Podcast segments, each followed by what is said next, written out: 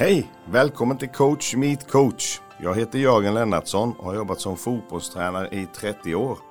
I denna podd så samtalar jag med andra coacher, ledare och chefer om teambuilding, coaching, ledarskap och mycket annat. Det är alltid intressant och lärorikt att ta del av andras erfarenheter, både inom idrotten och näringslivet. Gå gärna in och prenumerera på Coach Meet Coach i din poddapp så får du hela tiden uppdateringar när det kommer nya avsnitt. Du kan även följa podden på Instagram.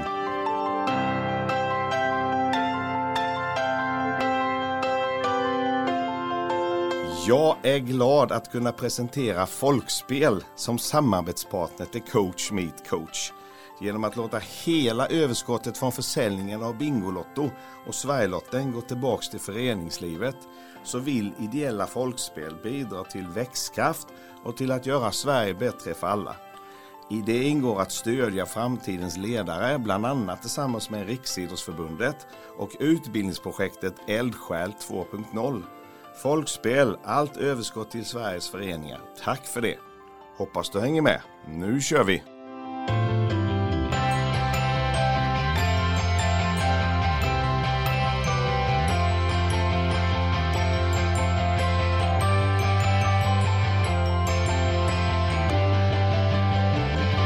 Dagens gäst är hockeycoachen Rickard Grönborg.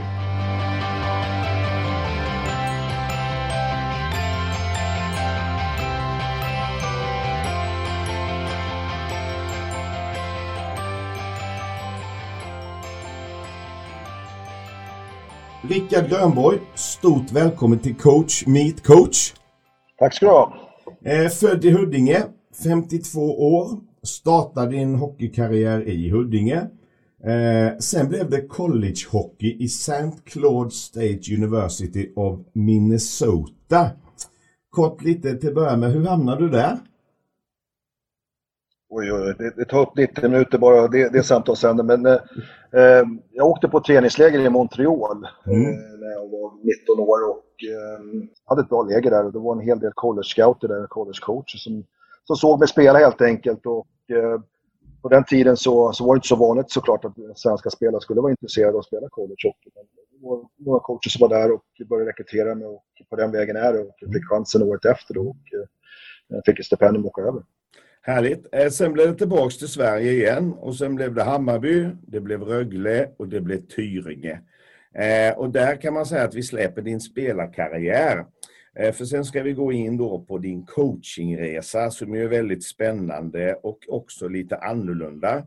Du åkte tillbaka till USA och jobbade där med college och juniorhockey under många år på många ställen. Var tillbaks i St. Claude State i Minnesota. Sen var du en sväng i University of Wisconsin. Sen blev det Great Falls American Montana. Sen var du nere i Texas i Blackhawks utanför Austin. Du var i Spokane Chiefs i Washington State och du var också en sväng i Utah i Salt Lake City och jobbade med hockey där. Eh, sen blev det under den här resan också att du började på med scoutinguppdrag för de här olika svenska landslagen. Och sen gick flyttlasset hem till Sverige, förbundskapten för Sverige eh, J17, förbundskapten för Sverige J20 och sen då förbundskapten för Tre Kronor. Och nu jobbar du nere i Zürich i Schweiz med Lions där.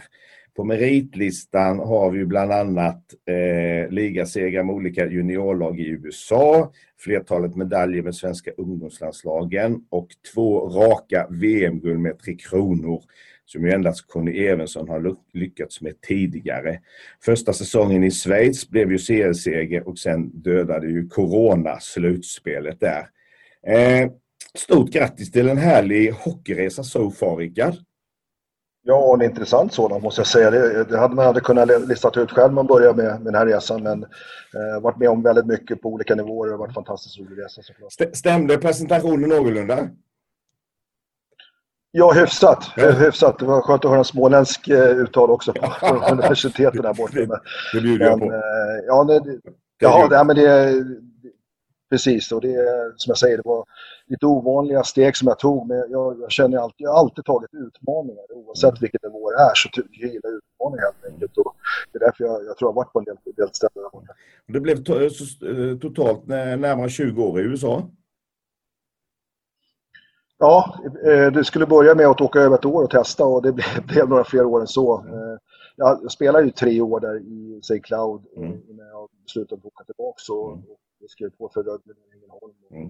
Eh, men jag var bara hemma i två år för jag, jag kände att jag hade fortfarande skola kvar där borta. Mm. Det ville jag ju slutföra såklart. Och mm. På den tiden var inte de här pengarna i, i svensk hockey framförallt. Och, och det var innan Bosman och alla de här grejerna. Man var livegen stort sett klubben. Så mm. jag, jag beslutade för, för att sluta och, och åka över och satsa på skolan. Mm. Och, det var nog ett av de bästa besluten jag tagit. Ja, härligt. Eh, då kommer vi in på, på huvudtemat så att säga för, för själva programmet här. Eh, det är ju hela din här coachingresa. Om vi börjar säga så här, varför blev du coach från början första gången?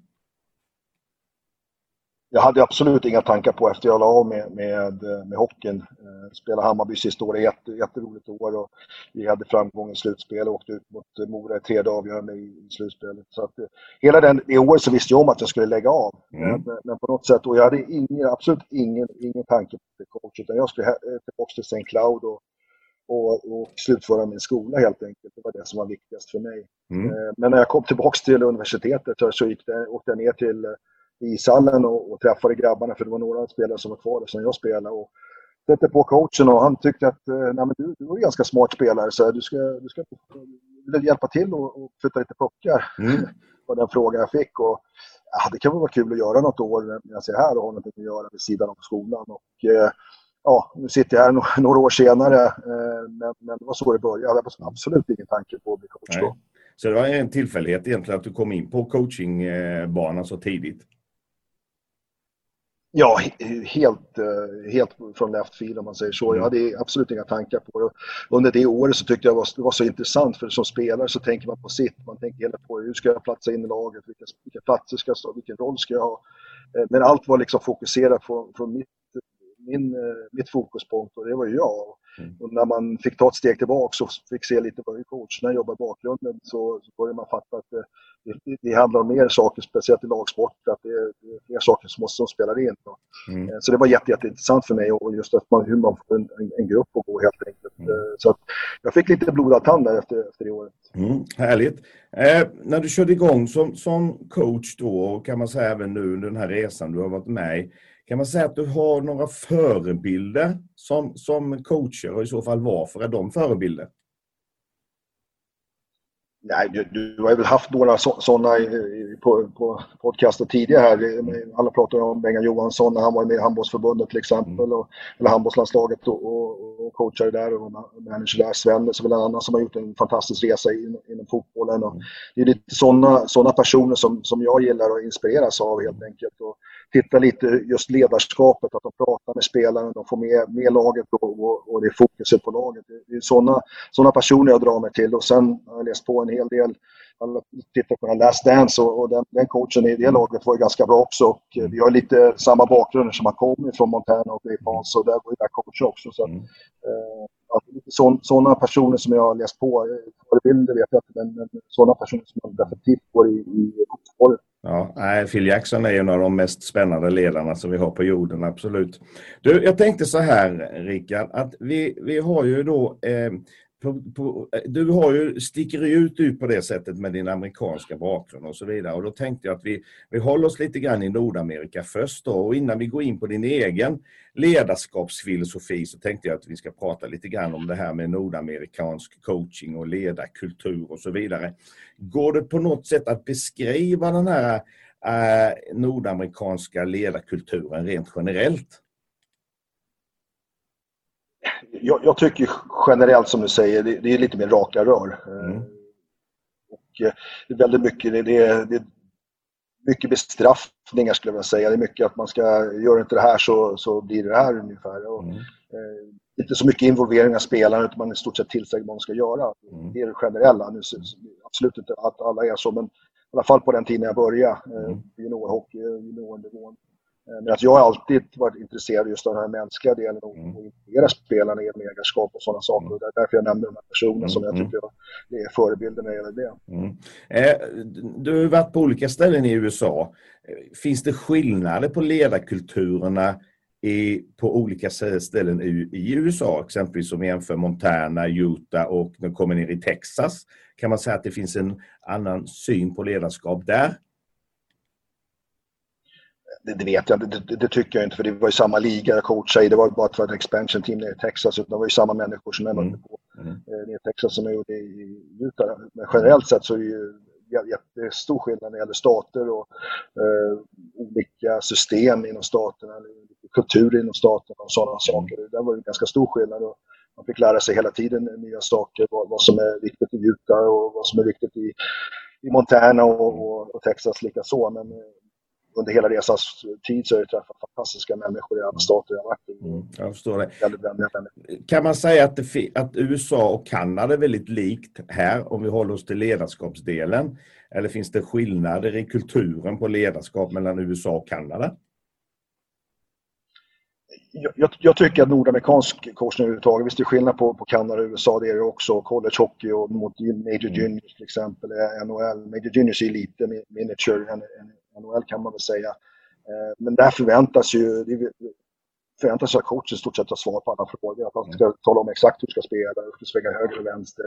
Väldigt höga förväntningar att coachen ska veta allt. Och det, mm. När man börjar den här resan så, så känner man ju så. Man, man åker ut med en visselpipa på isen och, och ska tala om spelarna hur ska spela. Och så, så var det inte i Sverige och så är det inte i Sverige. Där är spelarna väldigt mycket mer involverade. Mm. Man ska ihåg man spelade i Huddinges A-lag eller Hammarby eller vad det nu var så, så satt vi alltid ner med kedjorna innan eller backparen innan och gick igenom vad vi skulle göra.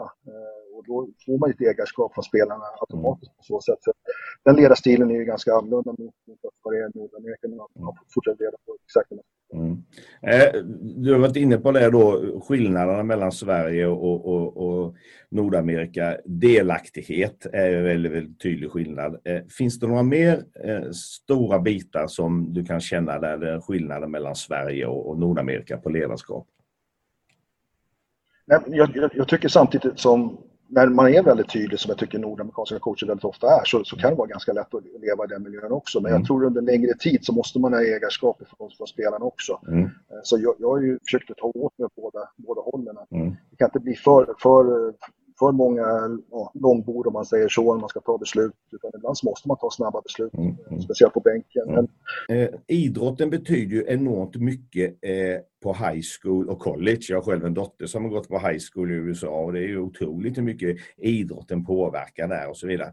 Kan du berätta lite om, om, om idrottens ställning och hur det kan påverka en ledare och en coach arbete i USA kopplat till det här med high school och college? Ja, men det, det, är bara en sån sak som man, till exempel man coachar i Montana, var man än är i stan så är, alla, då är man ju coach. Va? Mm. Eh, det, det, det, det är liksom ett, ett betyg att hej coach, eh, eh, vill ha kaffe och liknande, man går på, på ett café. Ehm, och även i, speciellt som vi säger i skolan så, så är det väldigt hög status att vara idrottsman eller kvinna och, och vara framgångsrik inom idrott. Mm.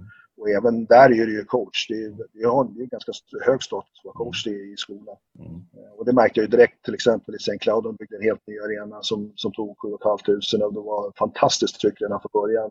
Mm. Eh, när, när, vi började programmet, för jag var en del av det första året i, i högsta ligan. Så, mm. eh, det är fantastiskt, eh, som jag säger, man, det är bra status att vara en bra idrottsman och idrottskvinna i skolan. Och det ger också fördelar, till exempel när man går i skolan och kunna ha det schemat i skolan samtidigt kunna vara framgångsrik idrottsman och kvinna och mm. gå vidare så är det jätte, jättebra när företagen börjar rekrytera i ett vanligt jobb. Mm. Så eh, det, det är som man säger, det är hög status. status. Mm. Kan man säga också att det påverkar då utvecklingen av själva så att säga, coachingdelen i USA, att det har en väldigt stor status, att den har en stor prägel på samhället i övrigt, att det är väldigt attraktivt att vara coach och ledare? Jo, det är det ju. Det är det, det är absolut. Och, eh, väldigt mycket cutting edge, speciellt, om man är i en akademisk miljö så är det, försöker man hela tiden ha en edge när det gäller träning, när det gäller både, både mentalt och, och, och fysisk träning. Eh, mm. Mm. Så att eh, det, det, tycker jag det är väldigt bra uppbackning från skolan och mm. man ska ha framgång. Mm. Och där skiljer sig lite grann mot Sverige, för där är det, i Sverige har du kanske hög status om du är förbundskapten eller tränare i ja, SHL eller allsvenskan eller någon, vad vi nu pratar om. Men däremot skolcoacher och, och coacher som jobbar på med talangutveckling och så vidare har inte den statusen överhuvudtaget.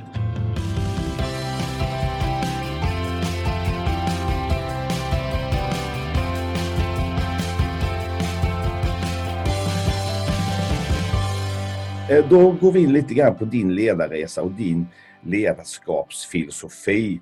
Hur känner du att din syn på coaching och ledarfilosofi har utvecklats under de här åren? Från det första eh, coachinguppdraget som du hade i USA till eh, dagens Rickard Rönnborg coach i Schweiz. Ja, det, det, är ju totalt annorlunda tänkte jag säga. Det är väl vissa, vissa värdegrunder som, som man alltid har haft och det, det har ju liksom ledsagat med genom livet. Men, men däremot, som jag sa, när man går in i en nordamerikansk miljö så förväntas man att veta allt och det, det trodde man att man kunde också när man, man började första året där, som, som 26-27-åring vad man, vad man, vad man är nu. Nu vet man hur komplicerat det här är och det, framförallt är det att man, man får mycket mera ägarskap från spelarna och, och sådana saker som jag, jag alltid jag tyckte var viktigt. Mm. Eh, Medan i början så talar man stort sett om hela handen. Man, man, allt ska, mm. stort sett allting för spelarna. Så det, det har varit en intressant resa. Kan man säga att du har gått den här resan som väl kanske många coacher har gjort från att vara väldigt auktoritär till att bli mer och mer demokratisk desto längre du har hållit på? Kan man säga så? Ja, men jag tror att jag var ganska demokratisk i, i alla fall min, eh, min relation till spelarna. Mm. Eh, var lätt att få. Men just hockeymässigt och rent taktikmässigt så var det ingenting som, då visste jag precis allting. Men däremot att jag hälsa, bara en sån sak som man hälsar på. Det vissa coacher där borta hälsar knappt på, på spelarna. Eh, med, Medan det, det, var väldigt viktigt för mig att se till att alla hade, hade värde från början och det är en av de här värdegrunderna som jag känner att jag styrs med hela tiden. Men däremot som rent speltekniskt och sådana saker så visste jag alltid Mm. Eh, om vi ska säga det kan man ändå säga att det finns ju en mix i ditt ledarskap från den svenska kulturen och den amerikanska kulturen. Hur känner du att de har mötts och var, var någonstans har du mixat det så på ett sätt som du känner idag att du, du står just i nu? Nej, men det är just balansen där. Jag, jag tror att, eh, att jag kan ha diskussioner med, med eh, alla i, inom organisationen innan beslutet tas. Att jag, eh, jag, bara, jag skjuter inte bara från höften om man säger så. Utan alla, jag lyssnar in helt enkelt. Jag lyssnar med spelare, jag lyssnar med, med assisterande coacher, jag lyssnar med, med folk, alla som är i vår staff, staff innan vi liksom tar ett beslut. Mm. Oavsett vad det är. Men däremot när det gäller liksom att ta ett beslut har jag inget problem med det. Ibland blir det snabba, snabba ryck. Och det, det, är väl lite min nordamerikanska sida att jag kan ta beslut långt bord hela tiden. Mm. Om ett beslut, ett beslut eh, måste tas så mm. jag har inga problem att göra. Så att just den där balansen tror jag att jag har ganska bra eh, mm. känsla för. Mm. Mm. Nej, men det är jättebra. Du var inne själv på värdegrunder, eh, ledstjärnor. Har du några mera sådana värdegrunder och ledstjärnor som du har format under den här resan? Ja, absolut. Alla pratar om kultur och, och kultur är egentligen ett latinskt ord som, är, som heter kultus och kultus är care.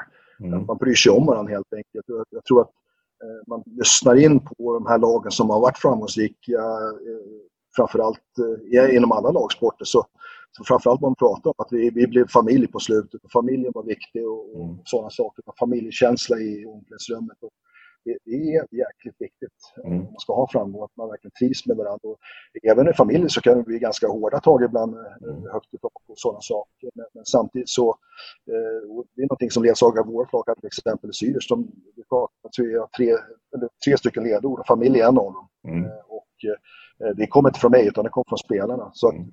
det tycker jag är jätte, jätteviktigt. Att just att alla har ett värde i gruppen, alla har en roll i gruppen, alla förväntas och, och, och och göra sin roll fullt ut. Och det är ju mitt jobb att sätta upp den miljön som tränare. Mm. Vad, har, vad har du ytterligare ledord i Zürich?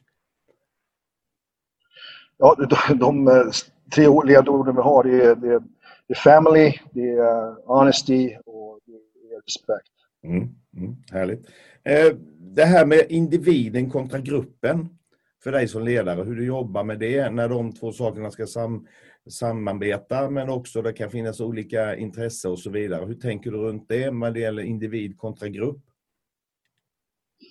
Eh, ja, just det. Jag, jag, det största man kan ge en spelare det är sin, sin tid helt enkelt. Mm. Så att jag, jag, tycker det är väldigt viktigt att man har individuella samtal med spelarna. Och, eh, till och med, vi har gått så långt här i, i Zürich eh, att, att, en gång i månaden så ska spelarna ha träffat mig och då ska de sätta upp ett möte med mig. Och det mötet eh, är deras möte. Så vad de än vill prata om, de vill prata om någonting vid sidan om hockey så pratar de vid sidan om hockey, någonting inom hockeyn eller rent speltaktiskt eller tekniskt så, så, så pratar de om det. Men det är deras möte, de förväntas att sätta upp en agenda för det mötet. Och, mm. Jag tror att man lär sig känna dem och sen Sen även på, på toppen på det så tycker jag att varje rad man, man hälsar på varandra, dörren står alltid öppen för oss i vårt kontor. Man måste gå ge, förbi vårt kontor när man går in i omklädningsrummet. Mm. Den dörren är öppen och man säger god morgon. Bara en mm. sån sak. Och, eh, även just de här axel, axel mot axel kommunikationen tycker jag är väldigt viktigt. Man mm. åker ut på, på isen och, och liksom bara pratar med spelarna och har känsla för hur var och en mår. Mm. Så att, eh, just att man ser människor. Det, det Rickard, att ha eh, samtal med varje spelare enskilt en gång i månaden, det är ju ett fantastiskt eh, värdefullt arbete men det måste också ta en hel del tid och, och, och eh, kosta mycket energi. Och det är därför man har fantastiskt bra människor runt omkring sig som, mm. som eh, kan hålla på med hockeygrejerna samtidigt medan de här mm. sakerna måste göras. Så att, eh, hockeyn är jätteviktig. Jag tycker speltaktiska, tekniska är jätteviktigt men, men människan är, är det viktigaste tycker jag i mm. slutändan. Och vi, eh, vi styrs av samma passion och passionen för oss det är idrott och, mm. och ishockey. Så att den passionen måste man se till att, eh, att alla får ett mervärde i. Mm. Ja, det är kanon. Eh, när du kom till Schweiz, är det någonting annat i ditt ledarskap som du känner att du har fått förändra när du kom till Schweiz? Det är ju Zürich och den tyska delen av Schweiz då, där du har känt att här måste jag fila på mitt ledarskap från exempelvis Sverige och USA, för det här passar inte i Schweiz jag försöker alltid när, när, när jag tar över ett lag eh, eller tar över en, en, position någonstans försöka intervjua människorna som jobbade där innan och, och få en känsla av vad, vad som fungerar förra året, inte bara vad som inte fungerar för ibland oftast när man får ett nytt jobb så är det någonstans som inte fungerat utan vad, vad är det som fungerar, vad är det som går bra, vad är, vad är kulturen, vad, vad är det som är viktigt för de, för de här individuella spelarna men också för organisationen. Väldigt viktigt att förstå organisationens kultur och, och mervärde, väldigt viktigt att förstå den schweiziska hockeykulturen. Mm. Eh, så det gäller verkligen att, att använda det här gamla klassiska att eh, om att man får öron och en mun och lyssna mm. väldigt in mm. med spelare och, och människor runt i organisationen. Jag, jag tror det är jätte, jätteviktigt. Och under den tiden så lär man sig en hel del.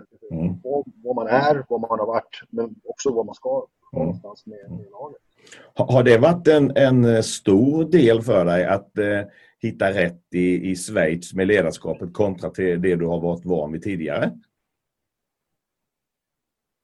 Det tror jag. jag. jag. tror just den här nyfikenheten från min sida är, är nog eh, uppskattat eh, runt, runt omkring den här organisationen. Eh, även bland spelarna också. Eh, för jag, tror, jag tror inte det går, oavsett om man har världens bästa spelsystem och speltekniska, taktiska och allting. Mm. Eh, ledarskapet och allting, om man inte förstår kulturen och förstår människorna som man jobbar med. Mm. Så att det gäller att vara lyhörd, det gäller att försöka tona in och, och man snackar om fingerspitzengefühlen här nere och det, det, måste man verkligen ha. Man måste mm. ha fingertoppskänsla när det gäller sådana saker. Och, och I slutändan så är det människor, även fast de kommer från olika bakgrunder så, så är det människor som man jobbar med och det är väldigt viktigt att visa nyfikenhet i, mm. i dem. Mm, mm. Ja, men det är bra. Eh, du gjorde den här resan också från ungdoms och juniorhockey över till seniorhockey.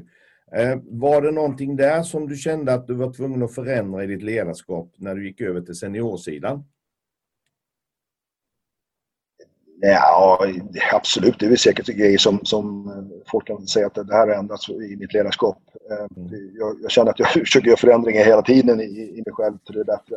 Mm. Eh, men, men samtidigt var positiva, jag fick ju jobba lite i bakgrunden under, under ganska många år med, med landslaget och de här spelarna som kom upp eh, genom juniorerna, juniorverksamheten och ungdomsverksamheten med Svenska Hockeyförbundet har ju träffats och redan byggt en relation med. Mm. Så det kändes ganska naturligt när jag fick chansen att coacha de här spelarna på mm. högsta nivån. Att, att det ledarskapet och, och de människorna har jag redan jobbat med. Så det, den, den resan har redan börjat på något sätt. Den, den, blev enkel den övergången kopplat till att det var dina grabbar så att säga, som du hade haft innan då, på det sättet?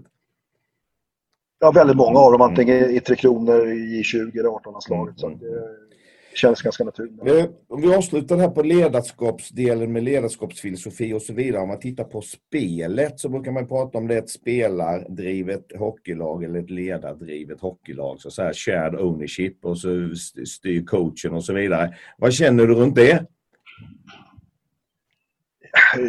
Ja, nej, men jag, jag eh, involverar spelarna helt enkelt i, processen med spelsystem och sådana saker. Men det är väldigt viktigt vad, vad jag än är, att, att just aktiviteten är där. Och vi ska vara ett aktivt lag. Och vad det innebär är att eh, när man aktiverar den, den delen av hjärnan, att, att det ska gå för det, då, då är det väldigt, väldigt bra. Det har vi sett i fotbollsvärlden, att eh, just den här höga pressen och alla sådana saker, att det fungerar väldigt bra i de bästa lagen. Mm. Eh, och vi känner samma sak med, med vårt lag här och, och även med landslagen. Aktiviteten är väldigt viktig.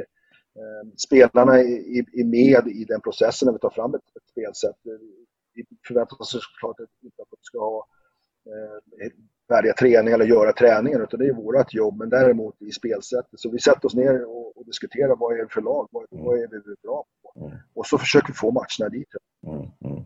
Men, och den, den delen kan man säga, det är den, den, den svenska delen av ditt ledarskap att eh, ha spelarna med på båten, väldigt delaktiga i sättet att spela kan man säga.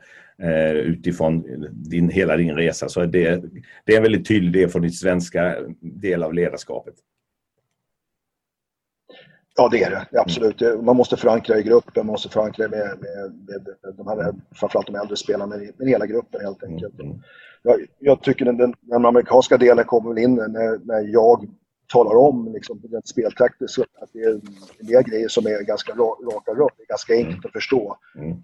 Det, det har kokat ner till en, en, en, en ganska bra, ja, bra speltakt, en bra playbook helt enkelt. Ja, men det är bra. måste man vara väldigt tydlig med saker. Mm. Bra Rickard. Eh, vi ska fortsätta prata lite grann ytterligare har det här med USA kontra Kanada. Jag tycker att det är väldigt spännande. Eh, 1993 så vann Montreal Canadiens Stanley Cup. Efter det så har inget lag från Kanada vunnit. Vad tror du det beror på? Jag tror att det är en fantastisk press på både spelare och eh, coacher i och management överhuvudtaget i de kanadensiska marknaden. För att eh, hockeyn är så stor där uppe och det, det, det är en sån, sån, religion nästan att eh, det är väldigt, väldigt tuff miljö att, att verka i och, och, lyckas i helt enkelt. Jag, jag, tror det är en, en, ganska stor del av det. Mm. Jag tror det också har varit en, en del med, med, den amerikanska och kanadensiska dollarn men, men just nu så är ju alla betalda i amerikanska dollarn. Mm. Så att, men jag tror framförallt det är kulturen. Mm, för man tänker att det här med tradesystemet och, och eh, ekonomin och NHL gör allting för att det så att säga, ska vara likvärdigt och du har ett maxtak på spelarlöner och så vidare. Så att det ska vara ganska likt för klubbarna och de som jobbar bäst de, de vinner. Och så blir det så att de kanadensiska klubbarna med den otroliga kulturen som de har där inte vinner sedan 93 så blir det ju någonstans ändå att man, man funderar på varför och så vidare. Och de press, krav, förväntningar eh, på, på, på segrar blev för tunga att bära för de kanadensiska lagen. Det är, det är lite grann det du menar? Ja, precis. Och, och, och jag tror att eh, också med det, det frambringar så mycket känslor och du, du vet det, man, man tar känslomässiga beslut ibland. Att, mm Eh, väldigt driven media och de är på hela tiden. Medan jag tror många av de amerikanska marknaderna får man jobba lite, lite under radarn. Mm. Eh, den amerikanska marknaden oftast är basket och amerikansk fotboll större än, än hockeyn och, och då får man jobba eh, i lite, lite lugnare takt. Mm. Jag, tror, jag tror det har en hel del med, med, det, absolut. Mm. Tittar man på coachsidan då så är det extremt få coacher utanför USA och Kanada som har fått chansen i NHL. Då. Det var, Suhonen var väl i Black, Chicago Blackhawks någon säsong där va? och Linka ett år i Pittsburgh. Jämför man med Premier League i fotboll till exempel, där är det precis tvärtom. Där vill man ha de bästa coacherna i världen och plocka in och spelar ingen roll om de är engelsmän eller inte. Det är snarare tvärtom, inga engelsmän knappt. Varför tror du det är så? Ja, jag tror att det, det har varit en, en, en, kulturell skillnad eh, enligt, enligt management där borta. Jag, jag tror hockeyn börjar bli mer och mer internationell däremot. Eh, mm. Det håller väl alla med om man tittar på, på spelarna bara så är 30 procent eh, icke-nordamerikaner, alltså europeiska spelare. Mm. 30 procent är en ganska stor del av kakan. Och vi svenskar kan vara stolta nästan 10 procent svenskar som spelar i ligan. Mm. Eh, så att det, det, är en väldigt internationell liga och eh, de här kulturella skillnaden som var eh, med spelsätt och spelsystem, stor, liten is, det blir mindre och mindre. Mm. Till exempel finska ligan har mindre rink. Jag tror även KL, även internationellt ska man mindre rinkar så att det börjar just, just Eh, speltaktiska grejer mindre också. Mm. Och jag vet att nordamerikanerna tittar väldigt mycket på spelutveckling i, i hur det går till och sådana saker. Så jag tror det är bara fråga om eh, någon som, som tittar på sitt lag och ser att nej, vi behöver den här typen av coacher och tittar mer än, än, bara på nordamerikanska coacher. Då kommer nog det här hända ganska snabbt tror jag. Mm, mm. För din del så var det lite eh, på gång med New Jersey. Var det nära där eller? Jag har haft kommunikation med, med flera NHL-lag mm. eh, och intervjuer faktiskt med NHL-lag. Eh, både som, som huvudtränare och även som assisterande tränare. Så att, eh, vilka de lagen är, det, det kan de uttala sig om i så fall. Men, men det har varit diskussioner, visst har det varit ett intresse. Ja. Mm. Men eh, då hoppas vi på att det blir eh, på gång snart för att eh, det är så kul att se alla de svenska spelarna i NHL göra så otroligt bra Eh, ifrån sig och sätta sånt avtryck på, på sina lag och sin liga så att man hoppas att det ska bli en coach där snart också. Det är bra. Du, nu ska vi bryta av lite grann med fem snabba här.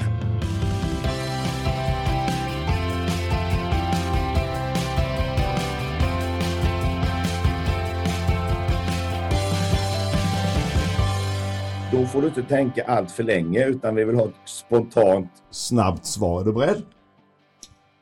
Ja, jag ska försöka. Ja, Scotty Bauman eller Mike Keenan? Scotty Bauman. Scotty Bauman. Basket eller amerikansk fotboll? Eh, amerikansk fotboll. Bruce Springsteen eller Ulf Lundell? Bruce Springsteen. New York Rangers eller Toronto Maple Leafs? Det är nästan wash, men, men Toronto som det är Kanada och det är, det är classic. Ja, jag, jag tar Toronto. Toronto. Och så kommer det otroligt svår här. Kycklingvinga eller pannbiff? Kycklingvinga. Kycklingvinga. Klassiskt, det är bra. Du, eh, matkultur och så vidare. Är du amerikansk i, din, i ditt mattänk och din matkultur? Eller hur, är, hur mycket präglad har du blivit av det? Ja, det är vi. Min, min fru är från, från USA också så att mm. eh, ja, det är klart att det blir influerat med, med amerikanskt men vi, vi äter ganska, vi, vi gillar att äta mat, vi gillar, vi gillar olika kulturmat också. Mm. Eh, men eh, svensk husmanskost är svårt att slå på fingrarna. Det är svårt att slå på fingrarna, ja. Härligt. Eh, bra Rickard, vi släpper det. Eh, nästa ämne vi ska prata om här är det här med ledarstaben. Idag när man har den rollen som, som, som du har så är du väldigt mycket ledare i en ledarstab. Och då är du också ledare för de andra ledarna. Hur ser du på din roll där som ledare för de andra ledarna? Ja, jag tycker att det är väldigt, väldigt högt i tak. Eh, du får fråga de som är runt omkring. Vi har lite svenskar i vårt lag, men, men jag gillar det här kommunikationen. Jag vill inte ha människor som bara håller med huvudtränaren hela tiden. Jag, jag vill ha människor som har en, ett, ett driv och utvecklar sin roll i, i, i laget. Och det är mitt jobb att se till att de har en viktig roll i det. Mm. Eh, sen så vill jag ha väldigt drivande, jag vill att de ska utveckla den rollen. Mm. Och eh, jag har haft förmånen att jobba med väldigt bra människor, eh, även här i Zürich såklart, och det är svenskar också, men, men också under mina min tid på förbundet och även innan dess. Så att, mm. Mitt jobb är att se till att de växer också lika, lika som det är med spelarna. Mm. Nu har du Tommy Samuelsson som assisterande coach där nere bland annat. Ja, precis. Mm. precis. Eh, Tommy är ny för år och mm. kommer från Skellefteå de senaste två åren i mm. SHL. Så han har en hel del, inte bara eh, coachbakgrund och spelarbakgrund, men också som huvudtränare. Så att, eh, han, han förstår lite den, här, min, min situation den pressen jag har där på, på, som huvudtränare. Så det känns bra att dela det ansvaret med, med coachingrollen Plus att han kommer in med lite nya idéer. Så mm. mm. Han har en jättelång erfarenhet så eh, det känns väldigt tryggt att ha med mm. eh, nej, men Det är bra. Eh, rent generellt, när du bygger ett eh, ledarteam, ett coachingteam, finns det några speciella parametrar mer som du tänker på när du ska formera den? Då tänker jag kanske på hela teamet, inte bara assistenten.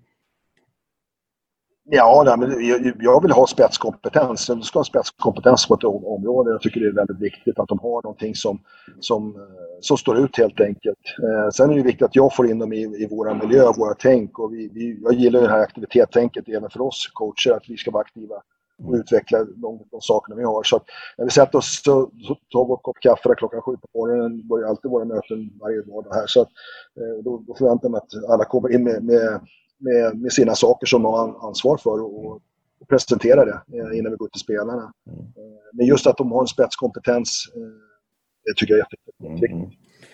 Hur har du jobbat med den dialogen med ledarstaben så att säga? Hur, Alltså det, det, du har ju en assisterande, du har målvaktstränare och så vidare. och Du har flera andra coacher.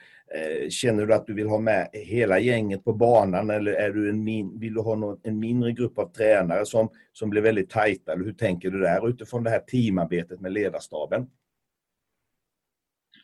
Ja, det viktigaste för mig är att hitta en roll och hitta ett ansvar för, för ledarna.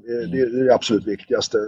Sen hur många det är, det, det är väl en sak. Men jag, jag, tror man ska vara riktigt proffsig så, så behövs det en, en, en stab som, eh, som man inte bränner ut människor heller. Mm. Man kan få en tid att andas också, även fast det är ett väldigt hektiskt schema. Så att, Eh, helst skulle jag vilja ha i alla fall en, tre assisterande och fyra med månadscoachen eh, mm. som, som har olika uppgifter mm. eh, rent coaching, coachingmässigt. Och då pratar vi backar, forwards, defensiva ansvar, offensiva mm. ansvar och, och även målvakter. Mm. Eh, just att vi, vi kan verkligen utveckla nu, nu är det inte riktigt så här, men, men eh, så jag har tagit ett större ansvar just den offensiva delen. Mm. Alltså jag tycker det är väldigt intressant just det här med hockey, att man har då Alltså, man har flera coacher och man har olika delar uppdelat mellan sig. Några jobbar med backcoach och forwardscoach. Och några jobbar med att man har en anfallscoach och en försvarscoach istället. Vad har du för erfarenheter av det och vad känner du för nackdelarna där? Ja, vi, det, på det sättet vi delar upp det här, det, jag är ju drivande i själva spelboken. Så fort det är spel, taktiska saker, det är jag som driver den, mm. den grejen. Så fort det är speldetaljdelar, och då pratar jag om offensivt och defensivt, då har vi två olika andra ansvariga, eller målvaktsspel, eh, som väldigt, väldigt, blir väldigt involverade såklart i det defensiva spelet. Mm. Eh, men just spelidés-situationer, eh, då, då driver jag på träningar, jag driver videogenomgångarna. Eh, och sen har vi, som jag säger, de rent utvecklingsdelarna. Det är ju forwardsbackar och offensivt defensivt spel. Och då har vi andra också som, mm. som eh, mer chippar in. Vi, vi, gjorde en utvärdering förra året. Vi kände att vi vill göra det ännu mer specialiserat. Så nu har vi till och med rena forwards och backträningar och, eh, och delar upp det på så sätt också. Mm. Så att, eh, vi försöker hela tiden hitta en, en edge vad vi kan göra lite bättre. Mm. Eh, när du jobbar med Tre Kronor så hade du Garpenlöv som offensiv coach och och Popovic som, som backcoach eller defensiv coach. Då. Och då tänker jag så här, under matcherna, när det händer saker hela tiden eh, med snabba ryck och så vidare. Låter man då backcoachen och forwardscoachen coacha sina spelare eller hur går man själv in som headcoach? Är det en balansgång där för att inte trampa in på deras område eller hur funkar ett samarbete där under en match?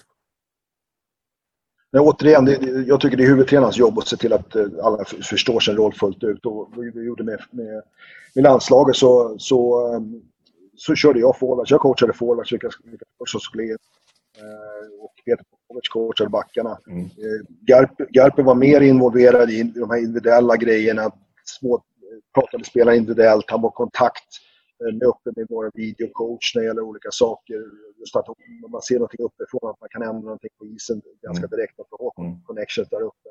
Mm. Eh, så han hade mycket mer, mera detaljliknande grejer, medan jag måste ju hela tiden vara, med på vad som händer på isen, vilka som ska in och så, och så vidare. Så att, eh, det var den del, eh, delningen vi hade där vi gör lite annorlunda på, här nere i Zürich, men i stort sett samma, samma. samma tankar. Mm. Mm.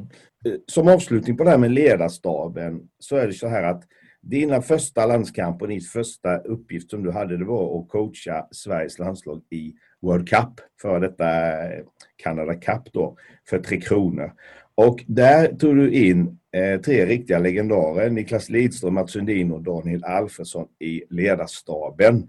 Utifrån så där så såg man det som väldigt, väldigt, tycker jag, både smart och prestigelöst att ta in dem och ta hjälp av dem och så vidare. Hur upplevde du att ha med dig dem i den här resan eh, inför och under Canada Cup med den bakgrunden och erfarenheten som de hade? Ja, framförallt en fantastisk ynnest för att jobba med sådana människor. Vilken fantastisk erfarenhet de har. Eh, framförallt från spelarsidan men också vara i den miljön. Eh, men samtidigt, de, de vill inte bara vara reklampelare. De vill ju ha någonting att göra. De vill ha en uppgift, de vill ha en roll. Så det var lika viktigt, viktigt för mig, för, för dem, att hitta en roll i, i hela ledarstaben. Och, så jag hittade en roll åt dem. Mm. Jag, jag la upp, okej, okay, Mats, här förväntar mig att du gör, det här står du för. Mm. Niklas samma sak och så, så Affe också. Så alla de, de tre som jag tycker är väldigt, väldigt bra hockeymänniskor och, fick tydliga roller och mm. supporta vår, framförallt coachingstaben. Fanns det några speciella grejer där som du kände att var, det var lärorikt att ha in tre sådana otroligt skickliga hockeyspelare med den erfarenheten med spelarbakgrunden som de har in i en ledarstab? Så något perspektiv som kanske blev en aha-upplevelse när de kom in i ledarstaben med sin så så här, extremt höga erfarenhet som, som spelare ganska nära i tiden? Ja, hur jag delade upp det kan jag tala om nu, men, men äh, Affe var, var, jobbade ju med Garpen, med powerplay och framförallt, men, men även med, med forwards. Eh, Didas var ju med, mest med, med Poppe och backarna och eh, eh, spelet i defensiva zoner, defensiva spel, men också som han har powerplay eh, specialitet som spelare så, så, använder man det där också. Eh, och Mats använder just det ledarskapet. Det var mer mot mig som ledarskapet och och hjälpa mig och, och speciellt när man går in i, i Hornets nästa borta i Nordamerika och ska in och, och kampa mot NHL-gubbarna och de andra lagen är NHL-coach och jag, jag har något lag till som inte hade NHL-coach. Eh, just att man fick lite pondus på, vissa saker och, och Mats hjälpte ju till med det eh, mer, än en gång kan jag säga. Så att, eh, det var väldigt nyttigt för, för mig att, att ta del av, av Mats ledarskap. Han, han hjälpte mig och formade just, eh, just den delen under det mästerskapet och har hjälpt mig såklart eh, även nu. Mm. Ja, nej, det är bra. Det är som sagt det, den typen av initiativ som man, som man verkligen gillar när det liksom också är väldigt prestigelöst att ta in den typen av erfarenhet som finns där. Det, det, det var väldigt bra.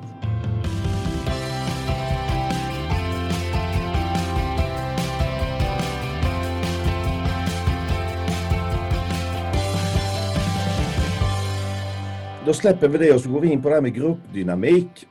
Eh, Rickard, alltså dina nycklar för att skapa en ultimat gruppdynamik och en team spirit i en grupp. Har du några speciella nycklar för att skapa den atmosfären? För det första så måste man förstå hur en gruppprocess fungerar jag har gjort en hel del. Jag läste ju på universitet under många år och mycket undersökningar om hur en gruppprocess fungerar. Vi brukar alltid prata om här, eh, att gruppen börjar med en forming stage när alla kommer in första året. Det är lite nya spelare, alla är jättesugna, det ska bli kul att dra igång. Vi går in i, i mer en storming phase när, när okej, okay, ska komma platsa, vilka roller har vi? Eh, vi kanske förlorar några matcher tränings, eh, ja, träningsspelet och, och liknande träningsmatcherna. Eh, det händer grejer hela tiden. Det är viktigt att förstå att det är en viktig del av processen också för att komma in i norming och i sista fasen som man vill ligga med mest, det är performing. Mm. Man hela tiden producerar. Och förstår man den processen och förklarar den för spelarna, förklarar för, för staffen och allihopa, då kan man prata om det utan att man är nervös. Så, att, så fort man förlorar en match, att man inte faller igenom helt. Att man förstår att det är helt normalt att vara en stående mm. Eh, så, så då, den gruppprocessen, vi hade, vi hade snack i morse till exempel om, just var, var, vi var någonstans. Så det var lite storming, vi spelade bara okej okay förra, förra matchen. Vissa spelare som kanske förlorar fokus. Och då återgår vi till de här grejerna som vi pratade om. Honesty, vi måste vara, vi måste vara ärliga med varandra. Mm. Eh, och eh, ärlighet vara, vara längst brukar man ju säga och det gör det definitivt i gruppen. För att, mm är vi ärliga då, då, tar man det direkt och så, så går vi vidare efter det. Så, mm. och gruppen är de fantastiska människor i gruppen, spelare och ledare som, som verkligen är ärliga. Mm. Eh, och det är viktigt för mig att låta dem få forumet också och låta dem få, få presentera saker och ting i grupp. Mm. Eh, vilket jag tycker förstärker allting. Mm. Om vi tittar på gruppdynamik vidare här, har du några konkreta eh, exempel som du känner på det här med teambuilding och gruppdynamiksutveckling på saker ni har gjort som du har fått bra effekt på, så att säga, både på eller utanför isen? Ja, det tycker jag. Vi har eh, hela tiden projekt på gång med, med spelare. Eh, allt från att spelare får gå upp och presentera olika delar i, i spelboken, eller vår playbook här. Eh, man kan ha små grupper som kommer upp och presenterar en forecheck till exempel. Så man verkligen vet hur, om, om det har sjunkit in hos spelarna. Till att vi har just, var är vi någonstans med, med de här sakerna som vi alla skriver på att vi ska göra varje år.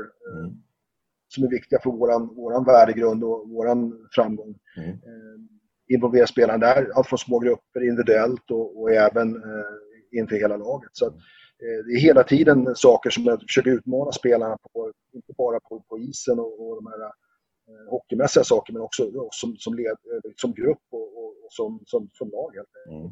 Eh, jag tycker det är jättekul att känna den här energin. De, de är väldigt involverade, de kan komma in i mitt rum och diskutera och prata om saker. Och, och det känns väldigt naturligt, inte så krystat. Det känns väldigt naturligt. Mm. Har har så att vi försöker hela tiden eh, utmana dem. Har du haft några så aktiviteter utanför hockeyrinken? Om du tittar bakåt i tiden som du har känt att det här blev väldigt, väldigt bra när vi gjorde det?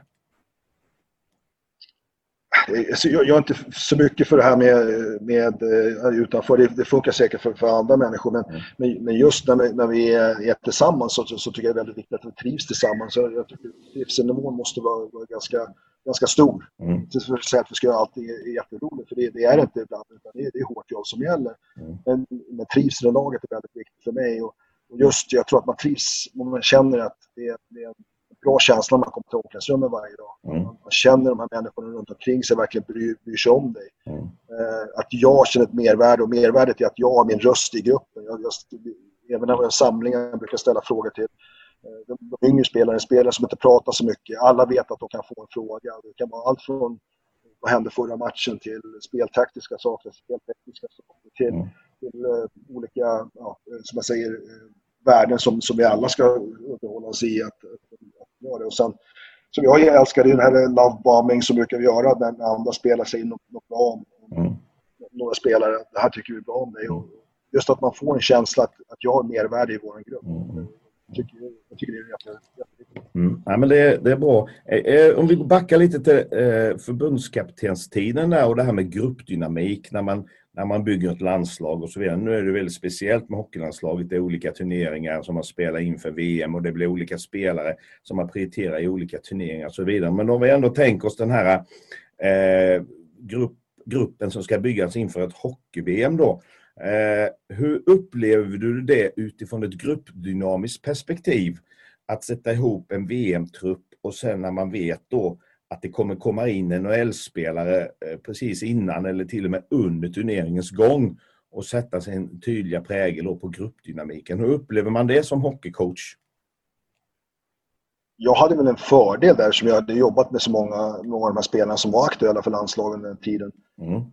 Men jag, tror nu, nu är det min nordamerikanska sida som, som steppar in. Jag, jag försökte vara väldigt tydlig med alla spelarna att ja, men det är det här som gäller. Är du villig att ta den utmaningen? Och, ibland såklart kanske man får ett nej. Det, det måste man acceptera av olika anledningar. Mm. Men de flesta spelarna var väldigt, väldigt sugna, ville vara med i, i Tre Kronor. Och, som du säger, när vi börjar i, i början av april och går igenom hela vägen till, till VM så är det i stort sett ett helt nytt lag. Mm. Eh, men just ärligheten med, spelarna och hela tiden in, in i gruppen.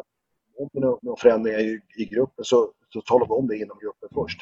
De har rättighet att få höra från, från mig först innan, innan förändring sker. Mm. Eh, och det är min respekt till dem. Mm. Men samtidigt så, så, har de accepterat villkoren att mm. jag kan åka ut ur, gruppen också. Mm. Så det, det, är väldigt speciell, speciellt. Eh, jag har till och med en hel föreläsning om det. för att eh, det många ute i arbetslivet som, som undrar hur vi, hur vi gör. För det är turnover på spelarna är ju 90 från, från april till maj. Mm.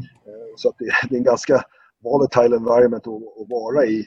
Men samtidigt, återigen, jag försöker köra raka rör, försöker vara så ärlig som jag kan. Eh, tala om förutsättningar och, och sen får spelarna basera på det eh, säga ja eller nej. Mm, mm. Ja, men det är bra. Eh, och vi vidare på det här spåret lite. När du då ska ta ut NHL-spelarna till eh, VM och kalla hem dem då. Eh, så klart att det ska vara också sådana som, som har karaktären och, och, profilen som passar in.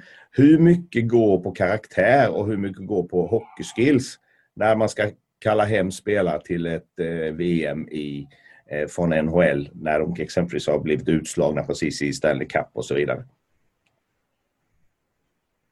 Ja, både och är så, såklart väldigt, väldigt viktigt. Jag mm. tror att man, man, måste ha skill, man måste vara, vara top notch om, om det ska gå hela vägen. Det, det, det är så vi känner. Men däremot så, det viktiga som, som vi alltid diskuterar när vi gör, gjorde förändringar ska jag säga, eh, under landslagstiden var ju vilka roller kan vi ge de här spelarna? Vilken roll tror jag kan passa in?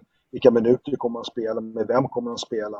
Eh, och jag, jag, tror att just den delen var väldigt, väldigt viktig. Och som du säger, det är ju lite spåkula för vi vet inte vilka lag som åker ut. Eh, men just den diskussionen har vi hela tiden, eller hade vi hela tiden, just med eh, vilken spelare, vilken roll han kommer få, vilket mervärde han kommer få i gruppen. Mm.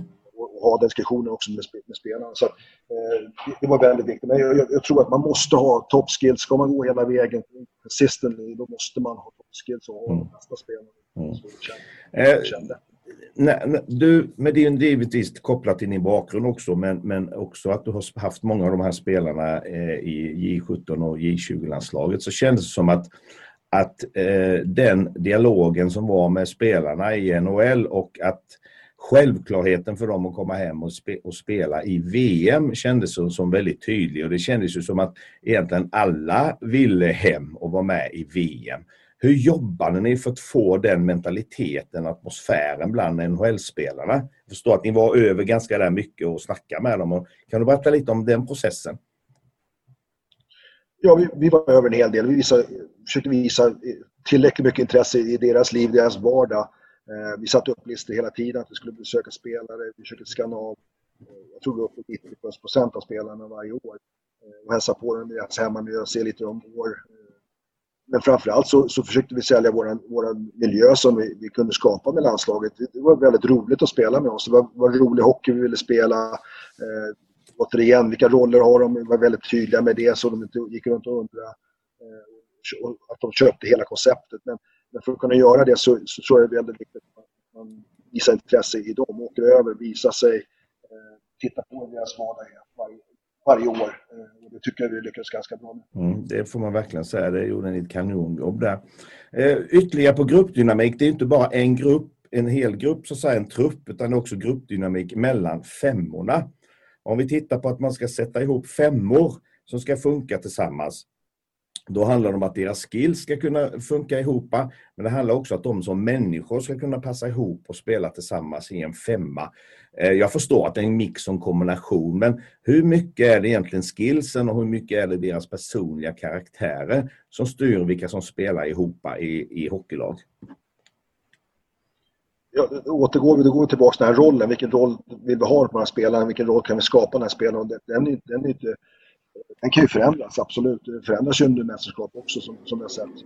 Eh, och, och, se lite kemi, vilka, vilka spelare tror vi kan passa bra ihop med, med olika vapen. Om Man säger att vi har en bra vänsterskytt med en bra spelare som kan, kan flytta puck eller eh, de här killarna ska spela offensivt, eh, vilket menar att vi kommer ha en hel del offensiva tekningar, mycket powerplay ihop eh, mot att kanske ha mer en defensiv roll, och defensiva tekningar och liknande. Men man försöker också hitta kemi. Eh, vi alla spelaren förväntar sig att spela likadant på, på så sätt. Men man kanske får lite olika uppdrag helt enkelt. Och, eh, där, där försökte vi återigen vara väldigt noga med vilka, vilka personer vi är och vilka spelare vi, vi, vi valde. Mm. Sen gäller det ju att, att de passar in i gruppen också, så att får med sig energi, dränerar det på energi. Och, och tittar man på de här två vi vann 17-18, det var bara tre spelare som var med på båda mästerskapen. Så mm. i stort sett hade vi ett landslag helt mm. enkelt från, från ena till andra året. Mm. Eh, och, eh, men, men, som jag säger, just det, just det här suget från spelarna, att de hade roligt. Och de, de tyckte, de gillade den här miljön. Så mm. miljön var viktig för oss. Mm, mm.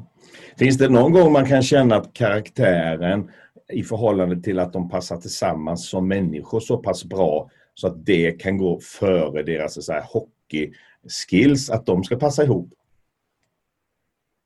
Det är klart att den diskussionen händer hela tiden men, mm. men, men det, mästerskapet är så, så fantastiskt kort eh, som, som, du vet och eh, vi, måste, vi måste gå ihop ganska snabbt och eftersom återigen fördelen jag hade att jag fick jobba med de här killarna i ganska ung ålder. Jag hade redan byggt en relation med dem, visste li, lite hur de är som människor och, och så. så att, eh, I slutändan så var det ganska naturligt när vi satte oss ner och valde vilka spelare som skulle spela ihop. Mm. Men återigen, det är, det är spåkula varje år och, och det är väldigt, väldigt, väldigt svårt ibland. Mm. Eh, men det, det, återigen, men, någonstans måste man ta, beslut. Och där, där, känner jag ändå när vi diskuterar någonstans jag hade inget problem att ta beslutet baserat på Ja, men det här är en väldigt spänn, spännande uppgift det här med gruppdynamiken och sätta ihop de olika femmorna med karaktärer kopplat till skillsen och vilka passar ihop som människor, vilka som passar ihop hockeymässigt. Otroligt rolig arbetsuppgift Ja, så är det. Och det, det, blir ju lite annorlunda när man har ett klubblag. Och det, det, var det som jag längtade lite från att ha ett klubblag. För att, då kan man ha ett lite längre tänk också. Att, mm. att, gör man förändringar så, så kanske man tänker längre fram också. Medan ett landslag, då måste, vi måste ju vinna nu. Det går inte Precis. att liksom en eller två, två dagar, för då är det ju för sent. Mm. Och, eh, Medan nu så kanske man har långtidstänk, man har korttidstänk. Man sitter hela tiden och balanserar de, de sakerna. För man måste ju få utveckling och utveckling också på de yngre spelarna. Eh, så, och, och även spelare som kanske blir bättre kanske ska få en helt ny annan roll.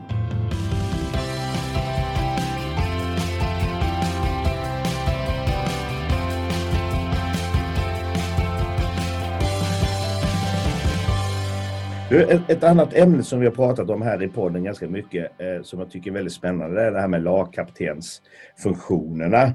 Och du ska få samma fråga Rickard som alla andra hockeypersonligheter som har haft, varit med i den här podden tidigare.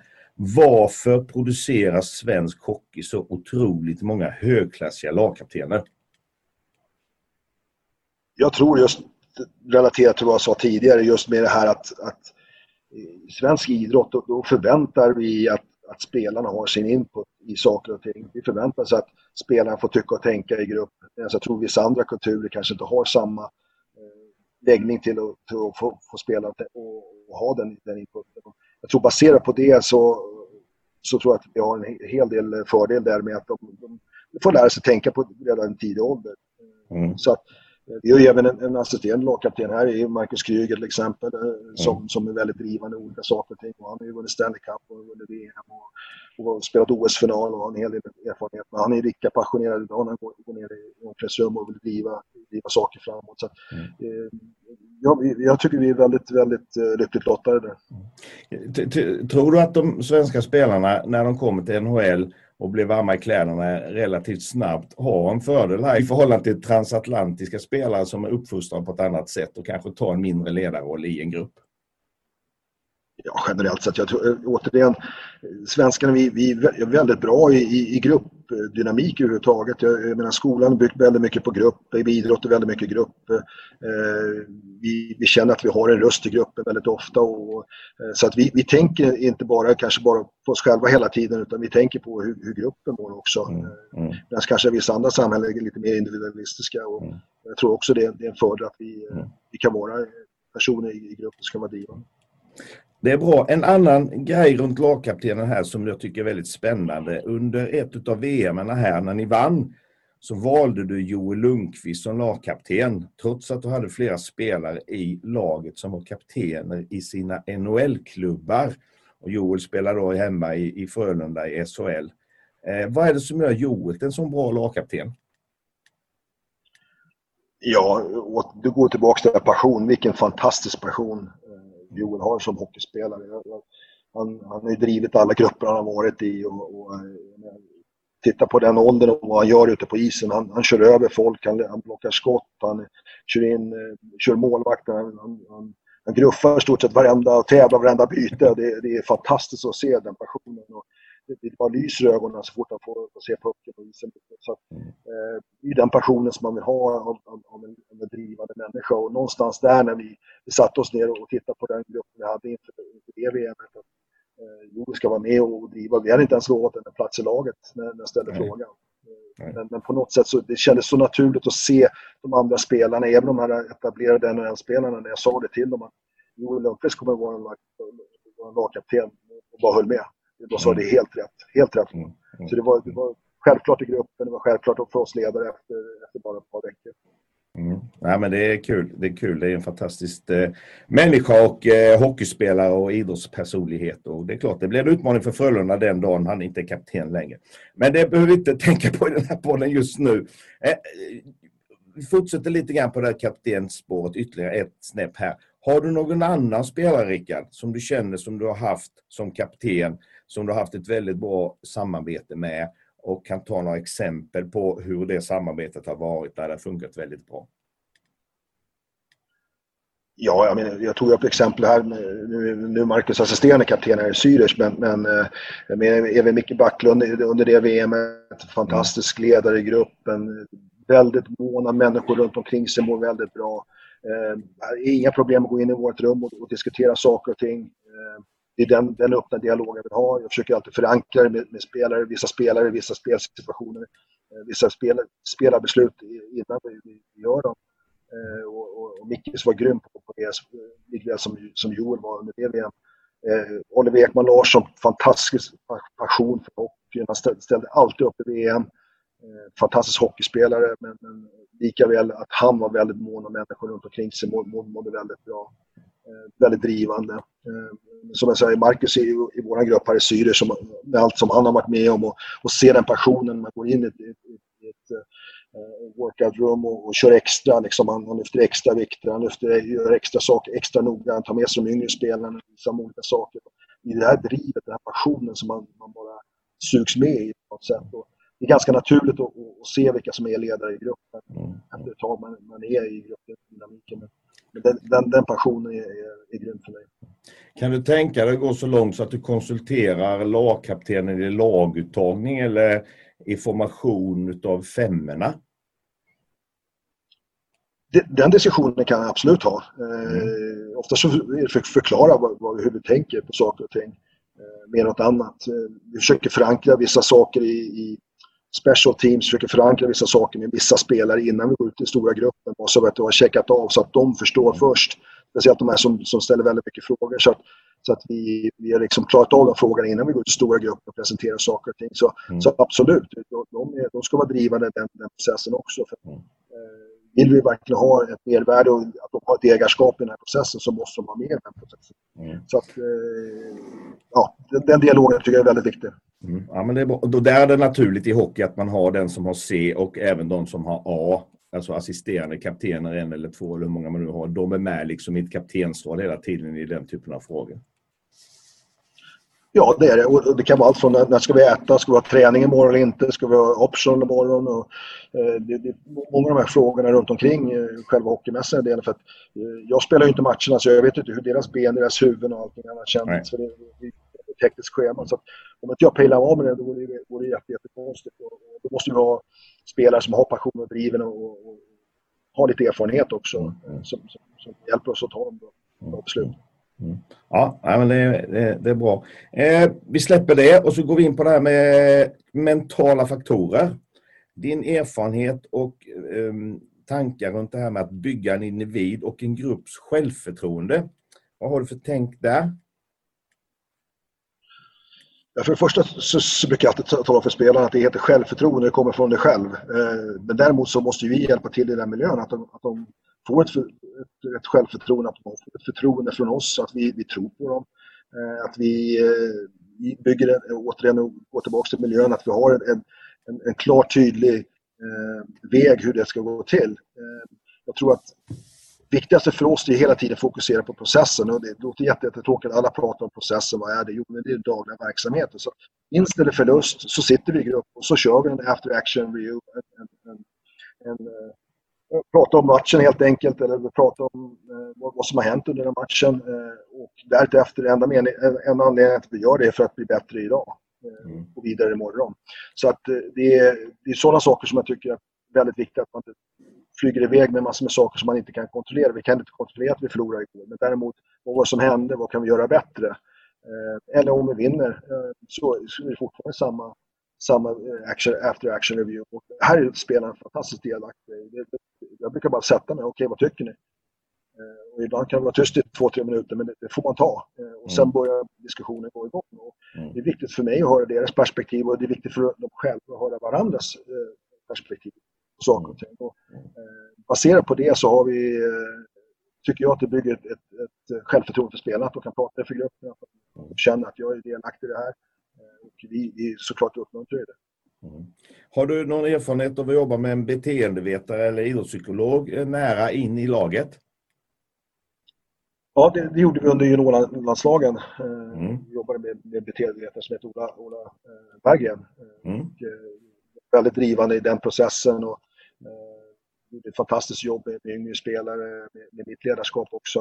Eh, och eh, gav mig feedback på vet hur det är när man går in för spelarna, man presenterar någonting nytt eller någonting, att man, är, man tycker man är jättesjälvklar och allt är så, så självklart för spelarna också. Men det är det ju inte alltid. Jag fick alltid feedback från skolan när det gäller de sakerna. och även hur gruppen kändes, man var närmare gruppen och det var viktigt för, för mig att lära mig. Så jag, jag lärde mig en hel del under, under den här processen att man hade människor runt omkring sig som kan ge mig feedback. För mm. Jag vill ju bli bättre också. Så, att, mm. så absolut, vi, vi har jobbat med det i landslag och, och uh, jobbat utanför med, med, med andra människor också. Mm. Just, ni har ingen i Schweiz för närvarande? Nej, det har vi inte. Nej. nej, nej. Eh, skulle du kunna tänka dig att, att ha en idrottspsykolog väldigt nära i gruppen och jobba som en så assisterande coach fast bara hantera de mentala eh, delarna? Eh, eller känner du att den delen har du så nära relation och kontakt med spelarna att du har den på egen hand så att säga? Eller hur tänker du runt det? Jag skulle kunna tänka mig, om, om man passar in i gruppen, att han har eh, en tydlig roll i, i vår grupp. Eh, jag tror det är väldigt viktigt att man, man har en hockeybakgrund, eh, åtminstone på, på eh, hockeyn. Eh, mm. Jag tycker inte kanske varit världens bästa spelare eller, eller, eller tränare, men man, man förstår hockeybakgrunden. Mm. Eh, men, men människan framför allt, att människan passar in i, i, i gruppen, vår grupp. Mm. Mm. Så absolut skulle jag kunna tänka mig sånt. Mm, mm. Mm. Det är bra. Eh, din egen del eh, i det här att hantera press, krav och förväntningar som man har när man är eh, headcoach på hög nivå rent mentalt, hur man mår och så vidare. Eh, hur har du hanterat den delen av ledarskapet rent mentalt eh, för din egen del?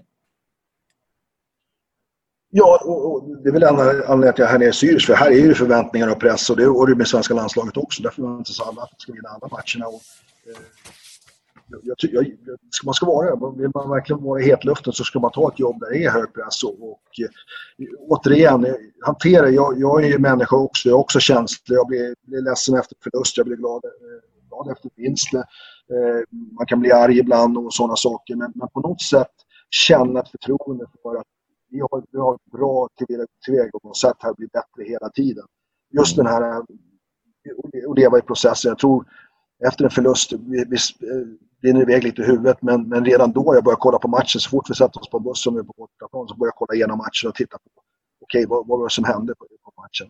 Mm. Eh, jag, jag, tror att man, någonstans måste man kunna luta sig mot det, titta på det mer än vad, vad människor runt omkring som inte delar vår grupp tycker och tänker. Det är egentligen inte alls väsentligt.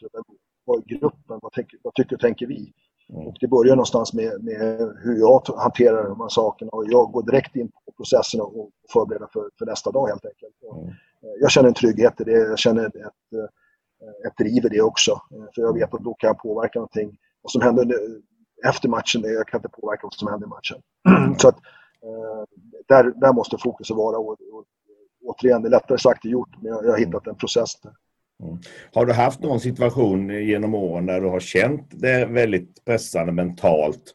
Där det har varit eh, lite tufft eh, att hantera eh, det? Och i så fall, hur har du liksom tacklat det då?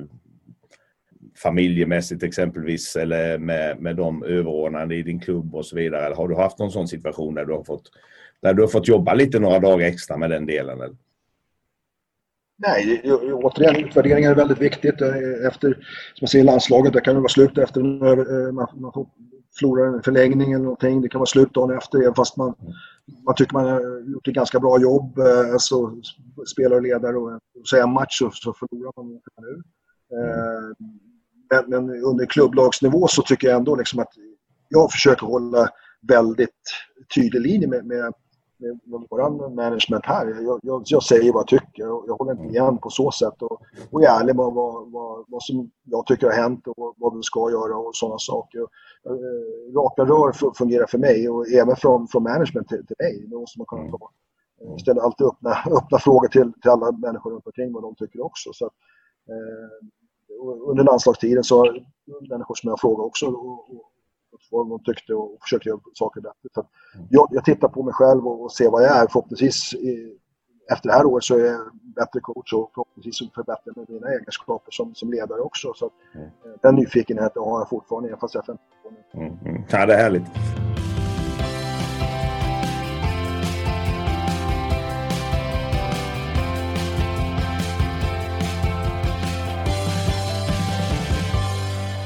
Pedagogik är ett intressant eh, ämne.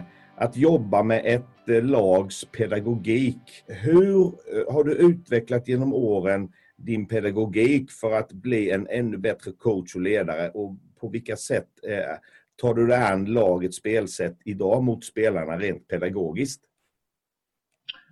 Ja, och det här har man ju lärt sig efter man man coachat i snart 30 år och även gjort en hel del eh, Eh, research på när man gick i skolan. Men just, just eh, hur, hur kommer man åt spelarna och, och, hur gör man det väldigt enkelt för spelarna att följa en, en, tydlig tråd. Och för mig ska, våra videogenomgångar till exempel, det är, det är 12 minuter långa, det är, det är max, man sitter i grupp, i stor grupp. Eh, vi kan ha eh, tema på dagen, vi vet exakt vad vi ska göra den dagen. Det är väldigt tydligt när, när spelarna kommer in. Eh, som jag säger, videogenomgångarna är väldigt korta. Eh, vi, eh, ja, man går ut på is, vi brukar snacka, snacka om see, hear and do. Alltså man får se det på video. Vi pratar om, verbalisera varför vi gör saker och ting. Den här frågan why hela tiden försöker vi svara på. Eh, och sen går vi ut och, och, och, gör det på isen. Alltså. Så att mm. see her, hear och do gör vi hela tiden. Men just den här...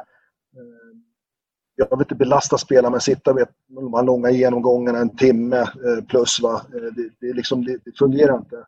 Nej. Utan det måste vara kortare genomgångar, väldigt noga med att jag, jag vill inte spendera de här spelarnas tid. Så när de kommer in på morgonen, då har vi redan varit där i timmar och förberett när, när spelarna kommer dit. Det är väldigt komprimerat schema. Mm. Väldigt noga med att eh, de, de känner att våra paket är färdiga. Vad jag menar med paketet i den dagliga verksamheten.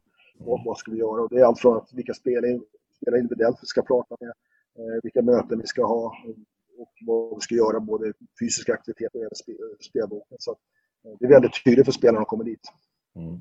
Videocoaching eh, använder ni väldigt mycket nu för tiden i, i, i, den, så säga, i, i, det pedagogiskt, som ett pedagogiskt verktyg mot spelarna i hur du vill att de ska spela.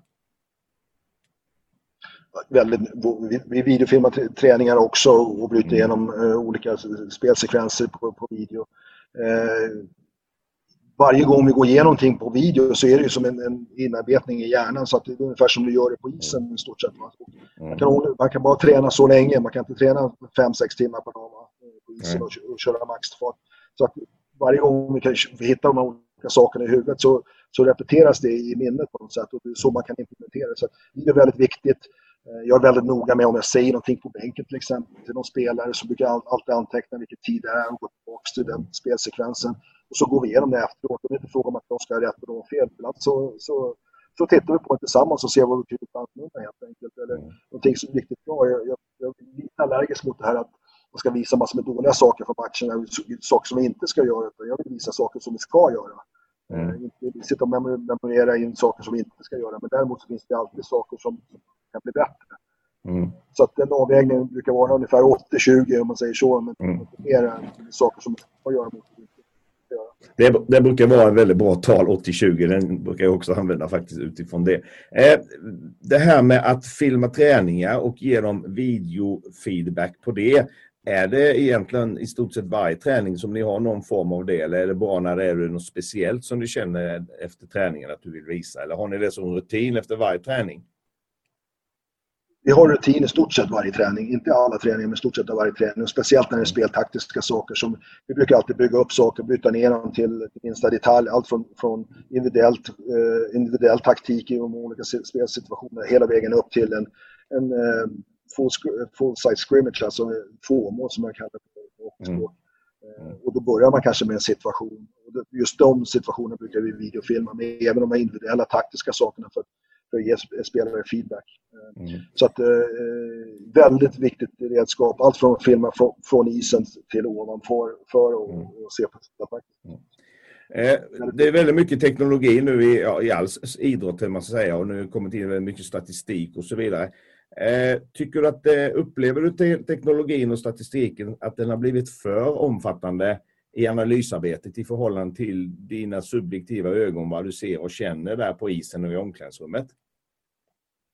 Det är väldigt viktigt när, det kommer upp eh, olika analyser från, från statistik så är det väldigt viktigt för att se bilder. För att, eh, jag vill se bilderna. Eh, vad baserar du det här på? Vi, vi, vi vill inte överbelasta våra spelare med massor med, massor med analyser på system. eller statistik, utan vi, vi har egna grejer som vi gör, som, är, som vi ty tycker att vi måste en balans på och fokusera på de grejerna som vi vill göra. Däremot så tror jag att sett över tid, det finns vissa jag är ju hockeynörd så jag gillar de här statistikgrejerna för det är, det är kalla värden. Det, det, är mm. faktiskt så som hände.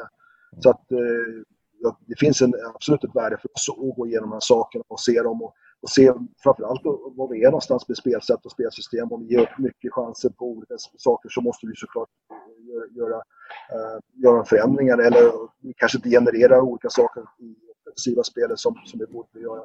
Då måste vi titta på de grejerna. Men vi måste, man måste titta på sample size också. Vi inte bara titta på en match. Och det, det var det som var svårt tycker jag med landslaget. Just det sample size som har, har spelat så kort tid.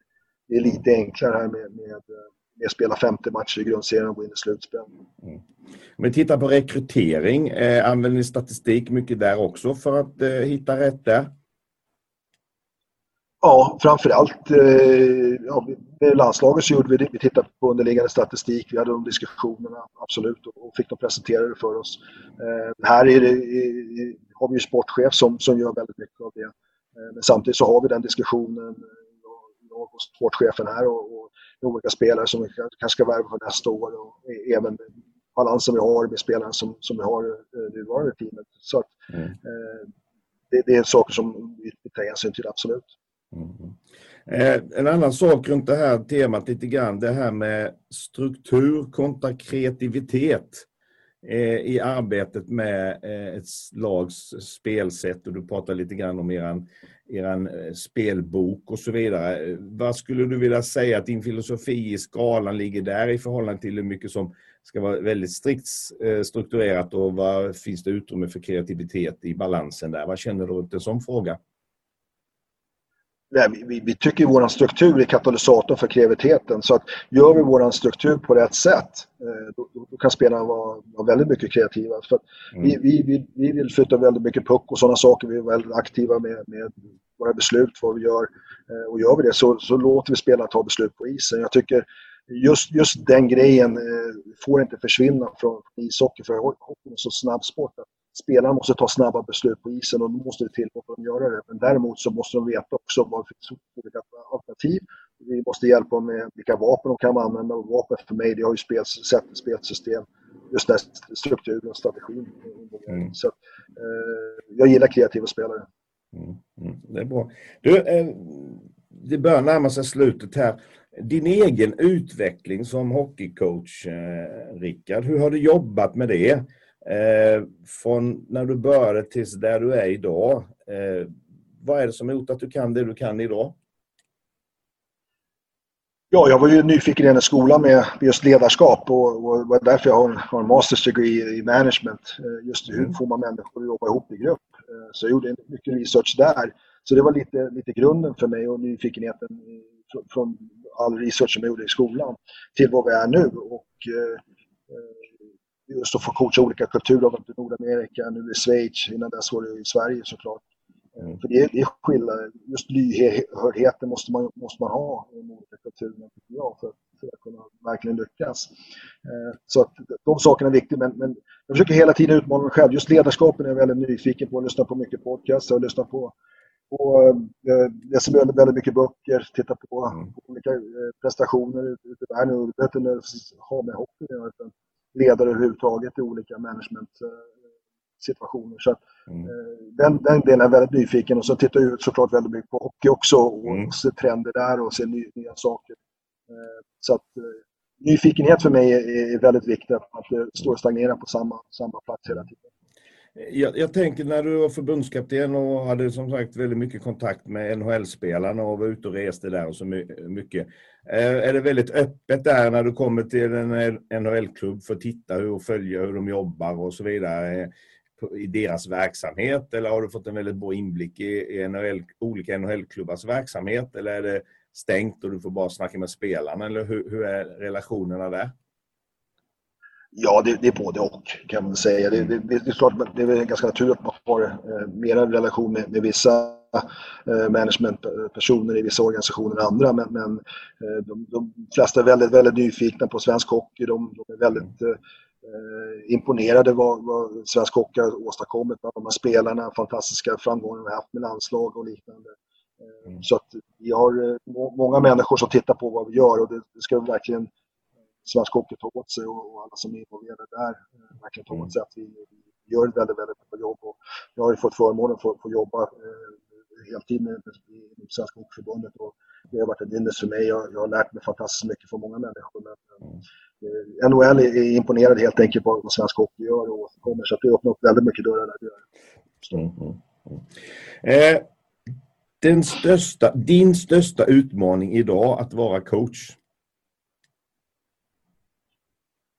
Utmaning? Oh, eh, jag vet inte. Jag, jag eh, tycker det är klart att det är utmaning varje dag att försöka hålla den här miljön som är skapat där nere i omklädningsrummet och ha en relation med spelarna. Eh, jag vet inte om jag säger som utmaning, jag säger mer som en ynnest ska jag helt ärlig. Mm, mm. Ynnest att ha det här jobbet jag har. Eh, fantastiskt eh, roligt, roligt och stimulerande jobb. Man vaknar upp varje morgon väldigt tidigt och är, är sugen på att gå till jobbet. Och, Eh, visst kan det vara utmanande i vissa fall, det är mycket förväntningar som ska infrias men jag känner mig trygg i det jag gör så att eh, på något sätt så, så eh, visst är det ett utmanande jobb men samtidigt så, så är det fantastiskt roligt. Mm, mm. Eh, du, vi, det, som avslutningsvis här, eh, du har ju haft, eh, jag vet bland annat som förbundskapten för att göra den typen av uppdrag och så vidare, med en del kontakter med näringslivet. Och självklart är det här individuellt och så vidare, men med din erfarenhet, vad tror du näringslivet kan lära mest av idrotten och vice versa? Ja, eh, jag har ju lärt mig en hel del från näringslivet. Jag, jag, som jag säger, jag, jag utbildar mig inom management och, och sådana saker. Så, mm. eh, just, just, jag, jag, tror det här beslutsfattandet, jag tror noggrannheten i detaljerna när det gäller idrott. För att allt är så eh, man säger, man får inte gömma sig i den organisationen. Man ser resultatet ganska, ganska lätt. Eh, ser man att ett bra ett dåligt jobb. Eh, så att resultatet är, det går inte att gömma sig bakom och man måste ta väldigt mycket ansvar som, som ledare och spelare i, i idrotten. Eh, och jag tror att eh, i stora organisationer, stora där i näringslivet kanske man inte har den, den, det trycket att producera hela tiden som man har i idrottsvärlden. Så det, det tror jag är någonting som, som kan läras från oss. Mm. Och vad kan vi lära om näringslivet tror du? Ja, jag lärde mig en hel del just med, med struktur och liknande. Eh, just mm. att eh, hur man strukturerar upp en eh, organisation och, och liknande. Så jag har gjort mm. mycket, mycket research på, på sådana saker. Så att just organisatoriskt tror jag att vi kan lära en hel del. Mm. Eh, Rickard, tiden går. Eh, det har varit ett otroligt intressant och spännande och lärorikt samtal. Eh, stort tack för att du ville vara med här i, och tog dig tid i Coach Meet Coach. Det har varit otroligt intressant. Och eh, stort lycka till nu i, med säsongen i Schweiz. Och så hoppas vi att vi får se dig som den svensk, första svenska coachen i NHL. Ja, tack, tack så Jörgen, det var jättekul att få vara med. Fantastiskt bra. Och som sagt, ha det bra, ta hand om familjen så hörs vi. Stort lycka till. Tack så, sköt om det. Ha det bra, ciao, hej.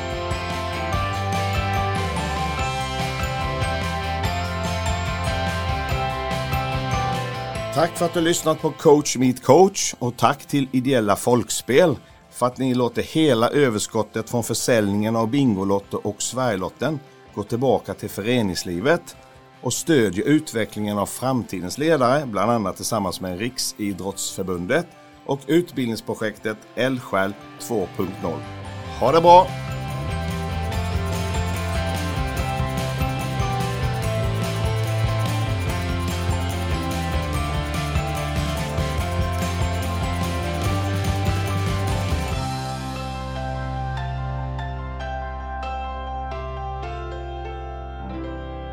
Poddproduktion av Fredag.